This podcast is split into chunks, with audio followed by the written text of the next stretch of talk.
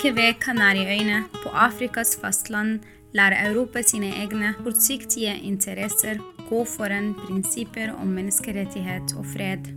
Velkommen til Sandfast, vår podkast om Vest-Sahara, den siste kolonien på det afrikanske kontinent.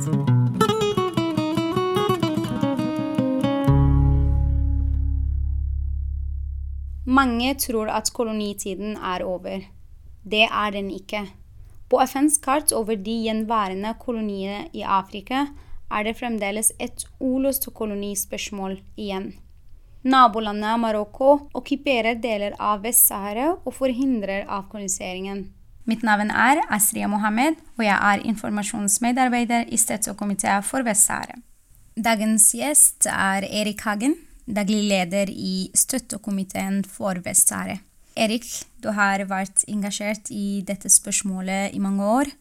Eh, mange kjenner deg fra foredrag og appeller som du har holdt rundt i Norge om denne konflikten. Hva er Støttekomité for Vest-Sahara, og hva er det denne konflikten egentlig handler om? Ja, eh, vår lille forening, Støttekomiteen Vest-Sahara, vi eh, jobber da for å forsvare rettighetene til Vest-Saharas folk. En eh, et folk fra et veldig glemt konfliktområde, en uvanlig konflikt internasjonalt, som egentlig ikke ligner eh, noen ting annet i verden i dag. Det er en avkoloniseringskonflikt. Vi tenker ofte på kolonitiden som noe som hører forhistorien til, noe som handler om altså Historiebøkene fra 60-tallet og 70-tallet snakker liksom om, om, om avkoloniseringen. Det, det, vi har, eh, det som er spesielt her, er at det er en koloni omtrent på størrelse med Norge. Eh, den største kolonien igjen i verden i dag, men hvor folket ikke har fått muligheten til å bestemme sin egen framtid. Eh, altså, det er et dusin eh, kolonier igjen, men det som er likhetstrekket mellom alle de andre, typ som Gibraltar og Falklandsøyene og sånn, er at folkene som bor i de koloniene, har fått muligheten til å velge selv. Og de har valgt å være en del av kolonimakten. Hvorfor, hvorfor er den retten, også rett til selvbestemmelse, viktig til folk som er i kolonier, som f.eks. folk i Vest-Sahara? Den derre retten til å bestemme selv, den er kan si nesten hellig for kolonifolk. Eh, de har suveren rett til å bestemme hva som skal skje med landområdene deres. Men dette Vest-Sahara-folket de har ikke fått den muligheten til å velge. Og vår forening vi kjemper da overfor EU eh, e og FN, FN-systemet, men også norske myndigheter, for å prøve å skape entusiasme og, og engasjement da, for dette, dette folkets uh, rettigheter. Det har vært utrolig humanitære konsekvenser for dette folket, som ikke har fått denne retten innfridd. Uh, bakteppet var jo at uh, det var en spansk koloni like ved Kanariøyene som istedenfor å bli selvstendig fra Franco-regimet på 70-tallet, så ble det umiddelbart etter, at Franco døde, så ble det okkupert av nabolandet Marokko. Og Det er det fremdeles. Eh, og Marokko forhindrer da avkoloniseringen. Marokko står med militære styrker ute i de okkuperte områdene og forhindrer at dette folket skal få innfridd sin rett til selv å bestemme over sitt lands framtid. Men hva mener Marokko? Hva er marokkansk standpunkt om denne konflikt? Eller hva er deres perspektiv i, eh, i Vest-Sahara-spørsmål? Fra et eh, marokkansk perspektiv så er det jo sånn at dette ser Marokko som en del av sitt land. De trekker historiske linjer langt tilbake i tid, fra fra mange hundre år tilbake og sier at Marokko i gamle dager, før den europeiske kolonitida, så var Marokko et stort, mektig rike i Nordvest-Afrika. Og så gjør de da hevd på en store landområder i Nordvest-Afrika. Den påstanden er, er, avvist av internasjonale domstoler som uh, ugyldig, og, og, som sier altså at folk i Vest-Sahara har rett til å bestemme selv. Så Vår agenda handler da om å, å prøve å, å, skape entusiasme om dette her, og, og nå ut til den norske, norske befolkning om det. Du også nevner norsk befolkning sammenheng. Uh, la oss si altså, for eksempel geografi, eller når jeg tenker Vest-Sahara-Norge, så Norge ligger uh, veldig Eller Vest-Sahara ligger veldig langt. Norge. Altså hvorfor skal uh, norsk befolkning, hvor, hvorfor skal folk uh, bry seg om, om, dette, eller bry seg om Vest-Sahara-spørsmål? Ja, det er jo, ja, På en måte er det langt, men på en annen måte så er det akkurat i EUs nærområder. Det, det ligger altså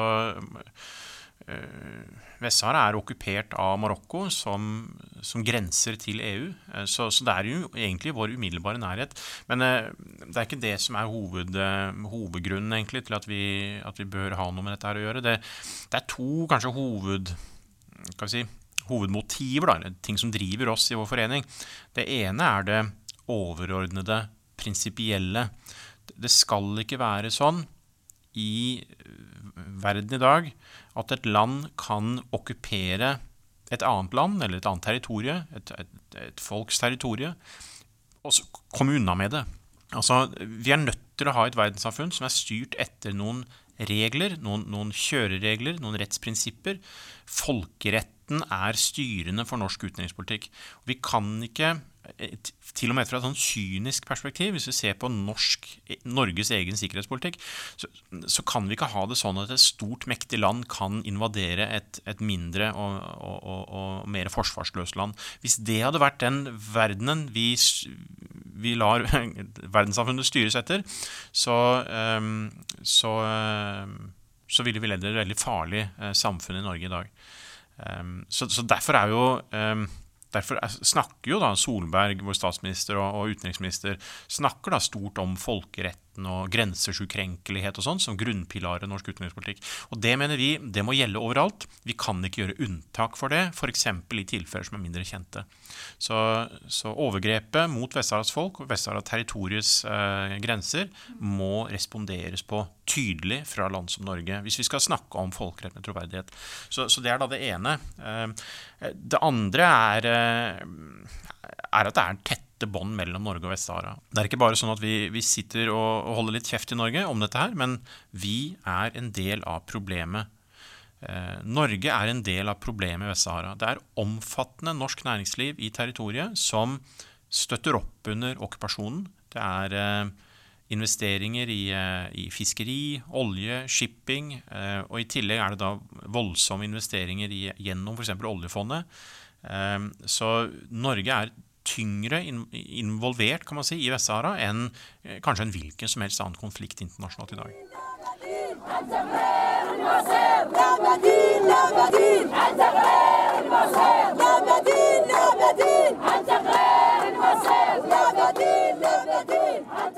Nå hørte vi saharawier som ropte ut slagord 'lebedil', eh, som betyr intet annet valg enn selvbestemmelse. Og så, etter 16 år med væpnet konflikt, inngikk partene en avtale eh, om våpenhvile og folkeavstemning. Og så planen at saharawis de eh, skulle eh, få mulighet til å velge eh, om de vil være selvstendige eller en del av Marokko. Og så skulle folk, mitt folk, skulle mine foreldre eller min mor velge eh, det. Også nå er den drømmen eh, knust eh, på, eh, på en måte. Hva var det som gikk galt, egentlig? Ja, hva, Hvordan var det det skar seg? Altså FNs operasjon for en folkeavstemning står jo utstasjonert i dag i territoriet. Um, den operasjonen har vært der nå i altså siden starten av 90-tallet. Den har vært der nå i 30 år, uh, men har fortsatt ikke gjennomført avstemningen. Og så, kan si, rent sånn Teknisk så skyldes det at uh, Marokko motsatte seg FNs arbeid. Uh, dette, den avtalen om en folkeavstemning som Marokko og Vest-Saharas frigjøringsbevegelse eh, sammen ble enige om. Eh, har jo, avtalen har jo da i praksis blitt brutt ved, ved, at Marokko har utsatt FNs arbeid og trenert FNs arbeid. Så det tok først FN åtte år istedenfor åtte måneder å bli ferdig med å identifisere det stemmeberettigede. Så, så, først i år 2000, eh, åtte år etter at FN kom til territoriet, åtte år på overtid, da var FN ferdig med å å konkludere listen over de stemmeberettigede. Sikkerhetsrådet var mot eh, dette her, eller mot eh, folkeavstemning i Vest-Sahara? Etter det så møtte det si, motstand i Sikkerhetsrådet. Marokko har tette, tette allierte i FNs sikkerhetsråd, særlig sin gamle kolonimakt Frankrike. Altså Frankrikes rolle i Afrika er veldig lite kjent i norsk offentlighet og fortjener mye mer kritikk og, og, og kunnskap i det norske folk. Hvordan Frankrike støtter um, hva si for noe, brudd på menneskerettighetene og, og, brudd på demokratiske spilleregler i alle sine gamle kolonier i Afrika. Uh, av egne kortsiktige interesser. Og, og, Frankrike har da vært en, en hovedpropp, si, den viktigste proppen i, i, å få løst dette, eh, både i Sikkerhetsrådet og i EU. Og Frankrike har da vannet ut og, og, og sabotert FNs sikkerhetsråds innsats. For dette ligger jo til syvende og sist på FNs sikkerhetsråds bord, og, og, der er det støkk. Det er helt støkk. Og det, det, det, er ganske, det, er ganske, unikt. altså vi de snakker til og med noe så basic som om at FNs operasjon i Vest-Sahara ikke kan få rapportere på menneskerettighetsovergrepene. Det er det eneste stedet med en moderne FN-operasjon som ikke har den muligheten. Og, og, grunnen er jo da selvfølgelig Frankrike. Så det er, eh, det er Frankrike som er tungt involvert i Vest-Sahara, og i de forhindrer at det blir menneskerettighetsrapportering i Vest-Sahara, eller at de ser noen politisk progress. Men jeg vil vinkle det litt til Norge, og særlig nå at Norge Norge sitter i FNs sikkerhetsråd. Så hvordan kan Norge eh, ta opp Vest-Sahara-spørsmål i FNs sikkerhetsråd? På hvilken måte kan Norge påvirke Frankrikes rolle i Vest-Sahara? Og, og, kanskje aller viktigst, og det er kanskje mulig å oppnå, er at Norge jobber for at FNs eh, mandat i Vest-Sahara, at MINURSO har rett til å eh, rapportere og overvåke menneskerettighetssituasjonen eh, i de okkuperte territoriene av Vest-Sahara, eller i alle steder hvor saharauis eh, befinner seg. Ja, altså En ting er hva man kan gjøre i Sikkerhetsrådet, en annen er hva man kan gjøre bilateralt. Og, og Hovedproblemet i Vest-Sahara sitter jo i Paris. Og, og, man må jo egentlig ikke sitte i Sikkerhetsrådet for å fremme kritikk overfor Paris. Det, det kan man hvem, når som helst gjøre, uavhengig av om man er i rådet eller ikke. Så jeg, jeg mener at den, den, den, den, viktigste jobben må vi gjøre bilateralt overfor de landene som, som, saboterer FNs fredsprosess. Det er begrenset hva man kan gjøre i Sikkerhetsrådet, hva man kan foreslå og få gjennomslag for, så lenge problemet sitter i Paris. Det jo, så det er jo der man må legge et press. Det er jo rart at det skal være så vanskelig. Det, det Sikkerhetsrådet eh, sier nå, som er disse resolusjonene som, som, Norge vil måtte forholde seg til, er at Sikkerhetsrådet ber partene sammen finne en løsning de er enige om, altså Marokko på den ene siden og Vest-Saharas folk på den andre, som begge er enige om. Komma, så kommer det et komma, og så følger den setningen i resolusjonene som eh, sørger for at eh, Vest-Saharas folk får innfridd sin rett til selvbestemmelse. Og Det er da et paradoks som er umulig å få løst, fordi Marokko vil jo ikke ha en sånn løsning. Altså Det går ikke an for de to partene å finne en løsning sammen som fører til at saharawiene får sin rett innfridd. For den løsningen vil ikke Marokko ha. Og, og Paradokset blir ytterligere forsterket ved at sikkerhetsrådsresolusjonene eh, gir honnør til Marokkos tilnærming til konflikten. Så Marokko får kan man si, en slags støtte i flere av punktene i disse årlige resolusjonene om Vest-Sahara, parallelt med at det, det, forventes at Marokko skal fire på kravene um, og, og, og, og, la sahrawene få sin selvbestemmelsesrett. Så det er et, et iboende absurd paradoks. Og, det ble jo ikke noe lettere av at Donald Trump uh, gikk til anerkjennelse av de marokko, marokkanske kravene på territoriet. Det gjorde han i desember 2020. Og um, Biden-regjeringen har fortsatt ikke gått tilbake på den anerkjennelsen. Så, så, Norge skal altså sitte i FNs sikkerhetsråd med Frankrike og et USA som ikke har gått tilbake på Trumps anerkjennelse, og prøve å få noe som helst gjennomslag. Det er, en, eh, det er ganske utenkelig at man kan få noe gjennomslag. Jeg, det er kanskje litt pessimistisk å si det, men altså, det er USA som skriver tekstene, og så gjør de det i konsultasjon med, med Frankrike, uten at saravene noensinne har fått sett på dokumentene før de, før de stemmes igjennom. Så nei, du, det, kan ikke få noen løsning uten at det legges press på, på Frankrike. Så fra vår side så er det jo eh, egentlig Eh, vi, vi, hørte disse sahrawiske røstene i stad, med sahrawier som demonstrerer. Og fra vår side, som en forening som forsvarer selvbestemmelsesretten, så driter egentlig vi unnskyld uttrykket, så, så, så driter egentlig vi i om eh, dette folket velger å, å, å, være en del av Marokko. Det har de fullstendig rett til å gjøre. De kan også velge å være en del av den gamle kolonimakten Spania hvis de ønsker det. Eh, og de skal kunne velge uavhengighet. Og, og den retten er, um, har blitt respektert i alle kolonier i hele verden. Og det er ingen grunn til at dette ikke skal respekteres her, og at det skal legges trykk på Marokko for at, for at de skal respektere at dette folket skal kunne velge å få være marokkanske hvis de ønsker å være det. Men det er ikke noe Marokko skal få tvinge nedover hodene deres. På begynnelsen så hadde jeg kanskje en sånn litt um, teit uh, sånn formulering. Føler meg litt dum.